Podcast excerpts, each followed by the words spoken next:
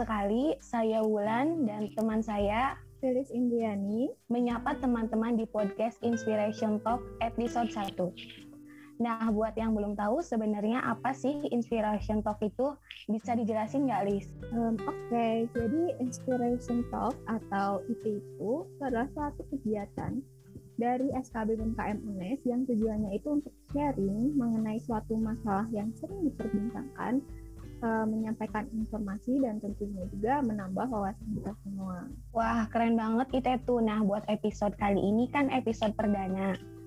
Kita punya topik menarik nih teman-teman. Penasaran nggak nih? Penasaran lah ya. Temanya yaitu sudah tak saling nyaman, apakah ghosting menjadi tujuan? Wah, siapa nih di antara teman-teman pendengar yang pernah di ghosting? Ayo ngaku. Nah, buat yang pernah di ghosting cepet banget nih, karena kita punya narasumber yang nanti bakal sharing dan membicarakan tentang tema kita kali ini. Langsung aja yuk kita kenalin narasumber kita kali ini yaitu Kak Arleni dari Teman Mendengar. Halo teman-teman semuanya, perkenalkan aku Arleni dari uh, komunitas teman mendengar sebagai Kepala Divisi Edu Counselor. Uh, aku mahasiswi Psikologi UNES angkatan 2018. Nah, aku mau tanya nih Kak, dalam dunia percintaan gitu ya, ghosting itu sekarang sedang ramai dibicarakan. Sebenarnya ghosting itu apa aja dan bentuknya itu apa saja? Oke, nah sebelum lebih jauh menjelaskan ghosting itu apa, mungkin aku jelasin dulu ya tentang definisi dari ghosting itu sendiri. Nah, ghosting menurut Leh Lebre, uh, seorang profesor Universitas Alabama, uh, ghosting ini didefinisikan sebagai perilaku mengakhiri hubungan tanpa adanya kejelasan atau menghindari kontak dengan orang lain. Nah, cara ini sering digunakan seseorang untuk menghindari komunikasi dengan orang lain nih Salah satu perilaku ghosting ialah ketika sedang intens chattingan, tiba-tiba dia membala, uh, tidak membalas atau bahkan ngeblok kamu. Nah, itu merupakan salah satu uh, apa ya indikasi dari ghosting itu sendiri. Nah, kalau bentuk atau jenis ghosting berdasarkan jangka waktu berlangsungnya itu ada dua nih teman-teman, yaitu ada sudden ghosting yang dilakukan secara tiba-tiba dan gradual ghosting yang dilakukan secara perlahan. Nah, intensitas dan komunikasinya itu dihilangkan secara perlahan nih. Meskipun efek gradual ghosting ini tidak separah sudden ghosting, karena tanda-tandanya itu udah mulai kelihatan nih, dan kita udah bisa tahu bahwa wah kayaknya uh, ini orang bakal hilang nih tapi tetap aja ya teman-teman uh, ghosting ini memiliki dampak negatif bagi korbannya sendiri karena korbannya itu merasa sakit hati. Nah kalau di psikologi nih ada yang namanya itu Zeigarnik Effect. Nah, Zeigarnik Effect ini adalah kecenderungan atau orang itu lebih cenderung mengingat tugas atau kejadian yang diinterupsi atau tidak selesai nih teman-teman. Jadi korbannya ini tuh bakal ngerasa sakit hati yang sangat dalam dan terus mengingat atau memikirkan uh, karena hubungannya yang terjadi itu belum selesai seperti itu nih. Wah ternyata ghosting itu bahkan ada ini ya sangkut pautnya sama psikologi ya ternyata dan banyak juga bentuknya. Karena yang kita tahu tuh ghosting ya udah menghilang aja gitu. Ternyata bentuknya itu juga bermacam-macam gitu. Nah kalau gitu kak, uh, apakah ghosting itu bisa jadi buat alasan seseorang itu yang udah nggak nyaman dalam suatu hubungan nih dia udah berhubungan lama cuman dia udah nggak nyaman gitu buat hubungannya kayak ini kok kayak gini hubungannya gitu. Terus dia bisa gitu ngeghosting gitu Iya nih. Nah, biasanya alasan orang mengghosting itu uh, ya karena dia itu udah merasa nggak nyaman nih menjalin hubungan dengan pasangannya. Tapi perlu diingat, perasaan tidak nyaman ini terjadi bukan hanya karena pasangannya dalam tanda kutip uh, apa ya memiliki kekurangan, tapi juga bisa terjadi itu karena pelakunya yang tidak gentle nih dalam artian dia tidak bisa menghadapi permasalahannya ataupun tidak mau membuat lawan bicaranya tersinggung.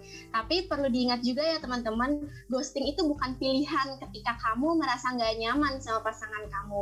Tapi ghosting itu adalah ketidakmampuan kamu untuk menyelesaikan permasalahan secara baik-baik. Jadi ghosting ini tentu uh, bukan pilihan ya dan perlu dihindari atau tidak boleh dilakukan nih karena membuat individu itu sakit hati ya atau pasangan kita itu menjadi sakit hati begitu. Nah, tadi kan dijelaskan bahwa ghosting itu bukan pilihan. Nah, seseorang yang di ghosting itu apakah harus lebih peka dari awal bahwa itu seperti tanda bahwa dia itu nggak bisa bertahan dengan seseorang tersebut gitu, Kak? Iya nih, sejatinya emang manusia itu dituntut untuk lebih peka ya teman-teman terhadap keadaan sekitarnya, termasuk perasaan atau tanda bahwa seseorang itu ingin menghilang atau mengghosting. Tugas kita hanya ngejalaninnya aja nih, terlepas dari orang tersebut sudah menunjukkan sinyal atau tanda bahwa dia ingin menghilang, yang terpenting itu bukan kita peka atau tidaknya nih, tapi kita siap atau tidaknya ketika kita sudah memutuskan untuk melakukan pendekatan atau menjalin hubungan dengan orang tersebut, itu artinya kita harus siap nih dengan segala situasi yang menyenangkan maupun menyakitkan ketika memang lawan bicara kita itu ngeghosting, perlu kita ingat bahwa itu adalah keputusannya teman-teman. Kita tidak perlu mengejar atau memohon lagi kepadanya karena kita tidak bisa mengontrol orang sesuai dengan kemauan kita nih, tapi kita bisa mengontrol diri kita sendiri untuk mencoba menerima keadaan yang sudah terjadi. Jadi terima aja rasa sakitnya, terima aja sedihnya, jangan perlu dilawan teman-teman, karena itu adalah bagian dari rasa yang perlu kita curahkan. Dan perlu diingat juga nih bahwa satu kejadian buruk seperti contohnya di ghosting itu bukan berarti mendefinisikan hidup kamu itu buruk karena setiap kehidupan pasti ada fase di mana itu kita merasa sedih, senang, suka, duka, tawa, menangis, marah, bahkan kecewa teman-teman. Karena itu eh, perasaan itu bagian dari emosi atau rasa yang kita miliki. Jadi kita nggak bisa mengontrol perasaan kita begitu. Intinya tuh kalau kita mau berhubungan tuh kita harus siap semuanya gitu. BTW nih Kak, kemarin kan kita udah ini, udah tanya ke teman-teman lewat Instagram SKB nih. Nah, ada pertanyaan dari salah satu teman kita nih. Katanya gini Kak, katanya tuh dia udah lama HTS atau hubungan tanpa status gitu. Nah, dia itu nggak ditembak-tembak gitu. Giliran dianya tuh minta kepastian, eh malah di blok. Semua medsosnya di blok. Menurut kakak gimana nih kisah teman kita satu ini? Wah, aku dengernya aja ngerasa sakit nih, apalagi yang ngejalaninnya nih. Nah, di psikologi sendiri tuh ada loh teman-teman yang ngebahas tentang HTS atau hubungan tanpa status ini. Namanya itu Triangular Theory of Love atau teori segitiga cinta. Nah, teori segitiga cinta ini dikemukakan oleh Steinberg nih. Nah, Steinberg ini menyatakan bahwa terdapat tiga komponen dalam cinta nih teman-teman, yaitu intimacy, passion dan komitmen. Intimacy itu adalah kedekatan secara emosi, passion itu adalah hasrat fisik maupun seksual, dan komitmen itu uh, ada atau tidaknya status untuk tetap bersama seperti itu. Nah, tingkatan dari ketiga komponen tersebut tergantung pada persepsi setiap individu terhadap cinta atau cinta yang mereka definisikan seperti itu. Tentu yang paling sempurna itu adalah yang memiliki ketiganya ya, yaitu passion, dan komitmen. Nah, hubungan cinta tipe ini disebut dengan consummate love nih teman-teman. Merupakan tipe cinta yang lengkap mempresentasikan hubungan yang ideal. Pasti dari kita pengen ya eh, cintanya itu ideal atau consummate love. Karakter tipe ini adalah adanya kedekatan secara emosional, ketertarikan fisik maupun seksual, dan komitmen dalam hubungan. Nah, kalau yang terjadi nih pada hubungan tanpa status yang tadi dialami oleh teman kita tadi, uh, itu berarti kalau dalam segitiga cintanya Steinberg itu dia tidak memiliki komitmen nih. Jadi yang ada itu hanya intimacy dan passion hubungan seperti ini dinamakan romantic love nih kalau dari segitiga cintanya Steinberg. Nah, romantic love ini merupakan tipe cinta yang terdiri hanya dari intimacy dan passion. Individu ini akan merasakan adanya kedekatan secara emosional dan ketertarikan secara fisik maupun seksual nih. Namun tidak memiliki komitmen yang serius nih teman-teman. Karakteristik dari tipe ini adalah pasangan yang saling tertarik secara fisik merasa seperti dia itu tuh cocok seperti sahabat menghabiskan waktu bersama dan saling nyaman tapi mereka enggan mempunyai komitmen atau status nih. Sebenarnya menjalin cinta tipe romantic love ini atau tanpa komitmen ini nggak salah teman-teman. Kalau masing-masing dari individu tersebut eh, sama-sama menginginkan hal tersebut dalam artian mereka sama-sama nyaman nih dalam hubungan uh, yang dijalaninya tersebut tanpa komitmen. Nah, menjadi tidak tepat ketika hanya satu pasangan aja nih yang menginginkan hubungan tanpa status, sedangkan pasangan lainnya ingin hubungan yang dijalaninya itu ada status. Itu artinya pasangan tersebut sudah tidak satu visi misi nih dalam artian tujuan dari hubungan cinta tersebut itu tidak sejalan. Kalau misalkan dipaksakan, itu pasti ada salah satu pihak yang merasa tersakiti nih teman-teman. Karena hubungan itu akan sempurna jika uh, satu sama lain memiliki satu visi misi yang sama nih. Jadi misalkan dari contoh kasus yang tadi itu kan sampai medsosnya diblok dan lain-lain. Nah, itu ketika ditanya status malah medsosnya diblok dan lain-lain itu kita ambil hikmahnya aja nih teman-teman bahwa emang hubungan yang dijalani itu sudah tidak bisa dipertahankan lagi nih dan hanya membuang waktu saja jika kita terus menjalaninya. Jadi mungkin itu pilihan yang tepat untuk dua orang tersebut saling terpisah nih agar tidak ada yang tersakiti karena sudah tidak satu visi misi lagi. Wah, ternyata HTS juga ada tingkatannya ya, Kak. Nah, kalau begitu setelah di ghosting, sebaiknya apa sih yang harus dilakukan? Apakah lebih ke sadar diri atau hanya nerima aja bahwa memang dia tuh bukan yang terbaik buat kita dan harus ada adaptasinya. Nah, itu bagaimana ya, Kak? Oke nih. Nah, gimana sih apa sih yang harus dilakukan ketika di ghosting? Orang yang di ghosting itu ada kemungkinan bagi kita itu untuk memikirkan hal yang tidak selesai sepenuhnya. Karena kita itu butuh penjelasan dari yang ngeghosting ya kan ya. Nah, yang kamu harus lakukan ketika memang di ghosting itu yang pertama adalah hadapi kenyataan. Terkadang mencoba nerima kenyataan itu lebih penting untuk ketenangan pikiran kamu daripada mencari tahu alasannya. Entah itu pergi dengan alasan apa pun itu, ada hal-hal yang bisa kamu gak siap dengar atau malah semakin membebani nih pikiran kamu. Saat kamu rasa itu sudah gak ada harapan lagi nih, dan kayaknya dia juga nggak bakal ngasih penjelasan maka ya udah tinggalin aja gitu memang rasanya itu nggak adil ya untuk terima aja tanpa adanya penjelasan mengenai kenapa sih harus diakhiri secara tiba-tiba gitu. Tapi ketika kamu terlalu fokus dengan mencari penjelasan ini itu kamu bakal semakin kepikiran nih waktu dan tenaga kamu habis untuk memikirkan hal-hal yang nggak pasti nih. Uh, perlu diingat bahwa kamu punya hal-hal yang lain yang lebih penting. Terlepas dari perasaan kamu coba pertimbangkan lagi. Apakah benar kamu benar-benar ingin menjalani hubungan dengan dia atau hal ini juga bisa jadi penanda bahwa emang kamu sama dia itu nggak cocok buat menjalankan hubungan Terus yang kedua itu kamu juga perlu buka hati untuk diri kamu sendiri nih. Karena dia pergi gitu aja kan. Sadari kalau mungkin kita nggak pernah tahu ya motif dia itu apa pergi ninggalin kita. Nah, lepaskan pikiran yang obsesif, biarkan dia uh, pergi dan biarkan diri kamu merasakan sedih, marah tanpa rasa malu. Emosi negatif itu kamu rasakan uh, bisa jadi itu adalah pelajaran atau ambil hikmahnya yang bisa kamu ambil dalam kehidupan kamu. Nah, yang ketiga itu uh, jangan pernah menyalahkan diri kamu sendiri ya teman-teman. Penolakan itu memang menyakitkan banget ya kan. Kita semua setuju bahwa ditolak itu sakit, apalagi di ghosting secara tiba-tiba.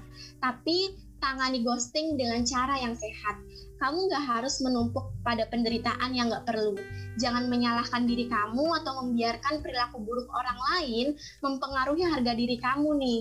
Meskipun dia ngerasa kalau kamu itu bukan yang dia cari, bukan berarti kamu itu nggak diinginkan orang lain. Kamu itu nggak bisa memaksa siapa pun buat mencintai kamu kan. Ketika susah buat dia mencintai kamu, maka kamu harus mencintai diri kamu sendiri. Karena yang paling pertama itu adalah mencintai diri kita sendiri, baru kita bisa mencintai orang lain nih teman-teman. Dan yang keempat itu perlu diingat juga bahwa uh, kita juga harus belajar untuk nggak usah mencoba berkontak langsung dengan dia gitu. Kalau kamu merasa pengen untuk chat dia atau telepon dia, terus juga uh, pikiran kamu harus pikirkan gimana sih uh, pembicaraan itu bakal berlangsung. Pasti bakal aneh banget kan gimana perasaan kamu dan apa ada kemungkinan gitu buat dia itu jujur sama kamu. Orang yang ngeghosting itu adalah orang yang tidak bisa berkata jujur terhadap perasaannya teman-teman. Jadi percuma jika kamu ingin penjelasan yang lebih terhadap orang tersebut, orang yang ngeghosting itu tuh mereka nggak jujur sama dirinya sendiri, apalagi jujur sama kamu. Jadi jangan berharap untuk orang tersebut jujur sama kamu. Nah, yang kelima itu kamu juga perlu nih evaluasi pengalaman kamu kamu. udah memberikan nih hatimu pada orang yang ternyata nggak bisa kamu percaya.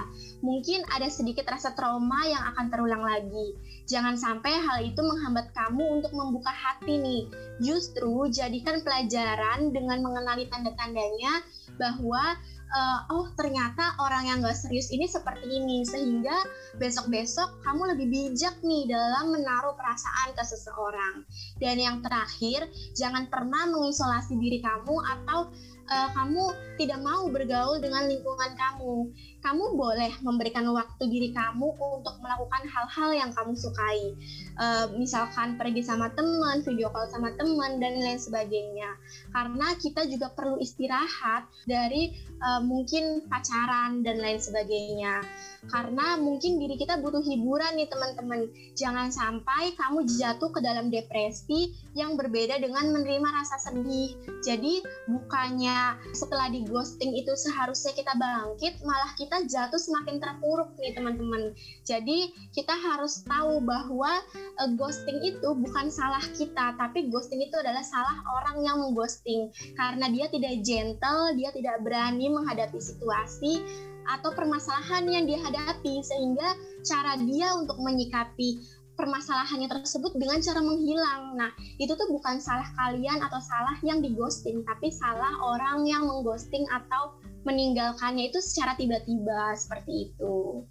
Nah, kalau dari aku sendiri mau nanya nih kak, dari kakak sendiri nih, pernah nggak sih kakak punya pengalaman tentang ghosting ini gitu? Atau mungkin kalau kakak mau menambah informasi lagi nih biar teman-teman itu lebih jelas dan tahu gitu, clear gitu sebenarnya ghosting ini tuh gimana gitu. Iya nih.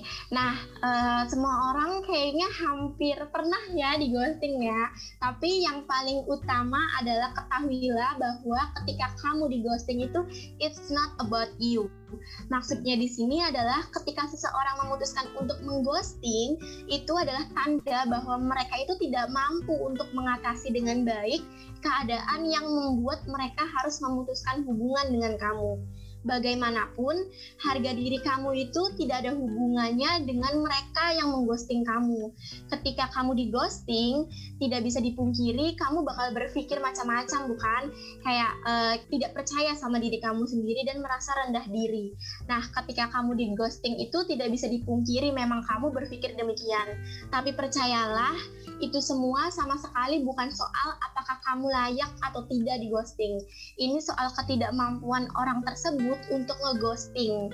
Jadi, ghosting itu tuh adalah ketidakmampuan orang ngeghosting dalam mengatasi keadaannya.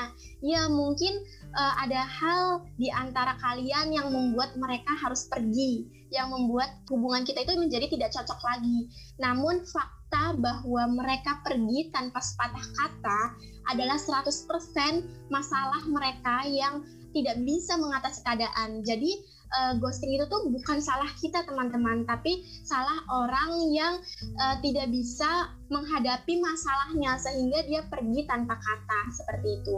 Nah, peran kamu di sini adalah untuk berusaha menerima bahwa people itu come and go. Artinya beberapa orang masuk secara terpaksa. Beberapa orang juga keluar secara terpaksa juga.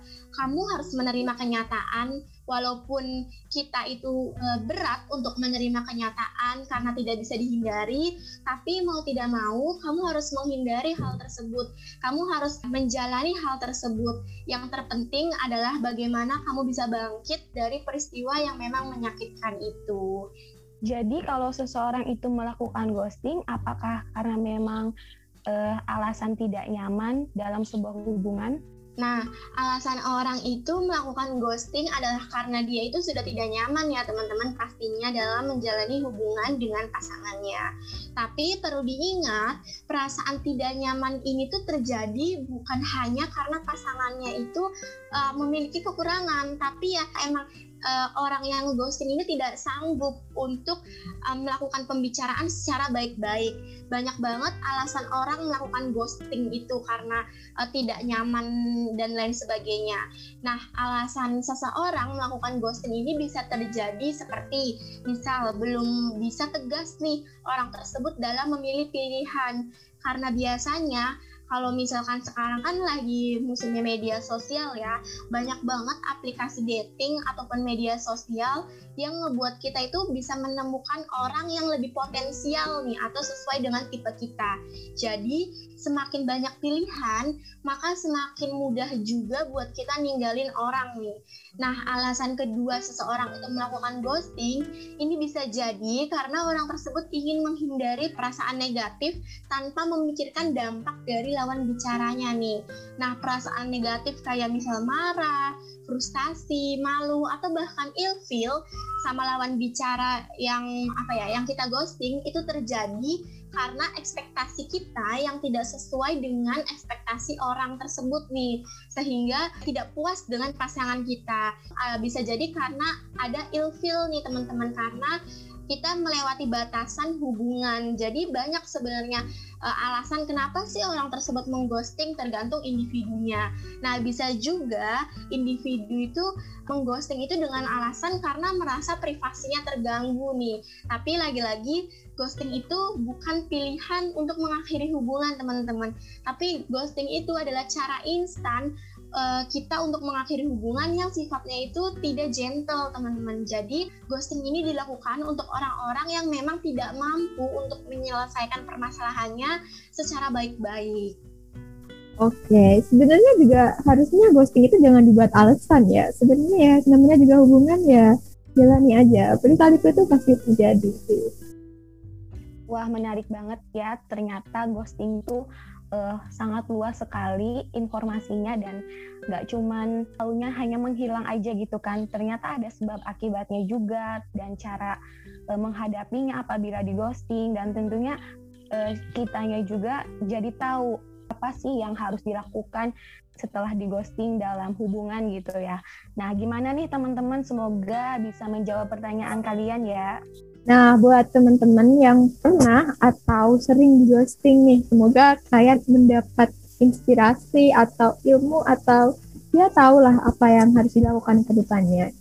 Nah, buat yang belum di ghosting juga semoga mendapat pelajaran dan tahu kiat-kiat untuk ya menghadapi dan mengantisipasi semoga kalian nggak di ghosting. Sebelum kita akhiri podcast ini, terima kasih buat Kak Arleni dari teman mendengar yang sudah sharing tentang ghosting ini bersama kita. Terima kasih banyak, Kak. Oke, sama-sama. Terima kasih juga buat SKB yang sudah uh, memberikan kesempatan nih untuk membicarakan tentang isu kesehatan mental. Semoga selalu sehat ya, sehat fisik maupun sehat mentalnya nih. Oke, kalau gitu sampai kita di penghubung acara podcast kali ini. Uh, terima kasih buat teman-teman yang telah mendengarkan podcast Inspiration Talk sampai akhir ini. Sampai jumpa di episode selanjutnya.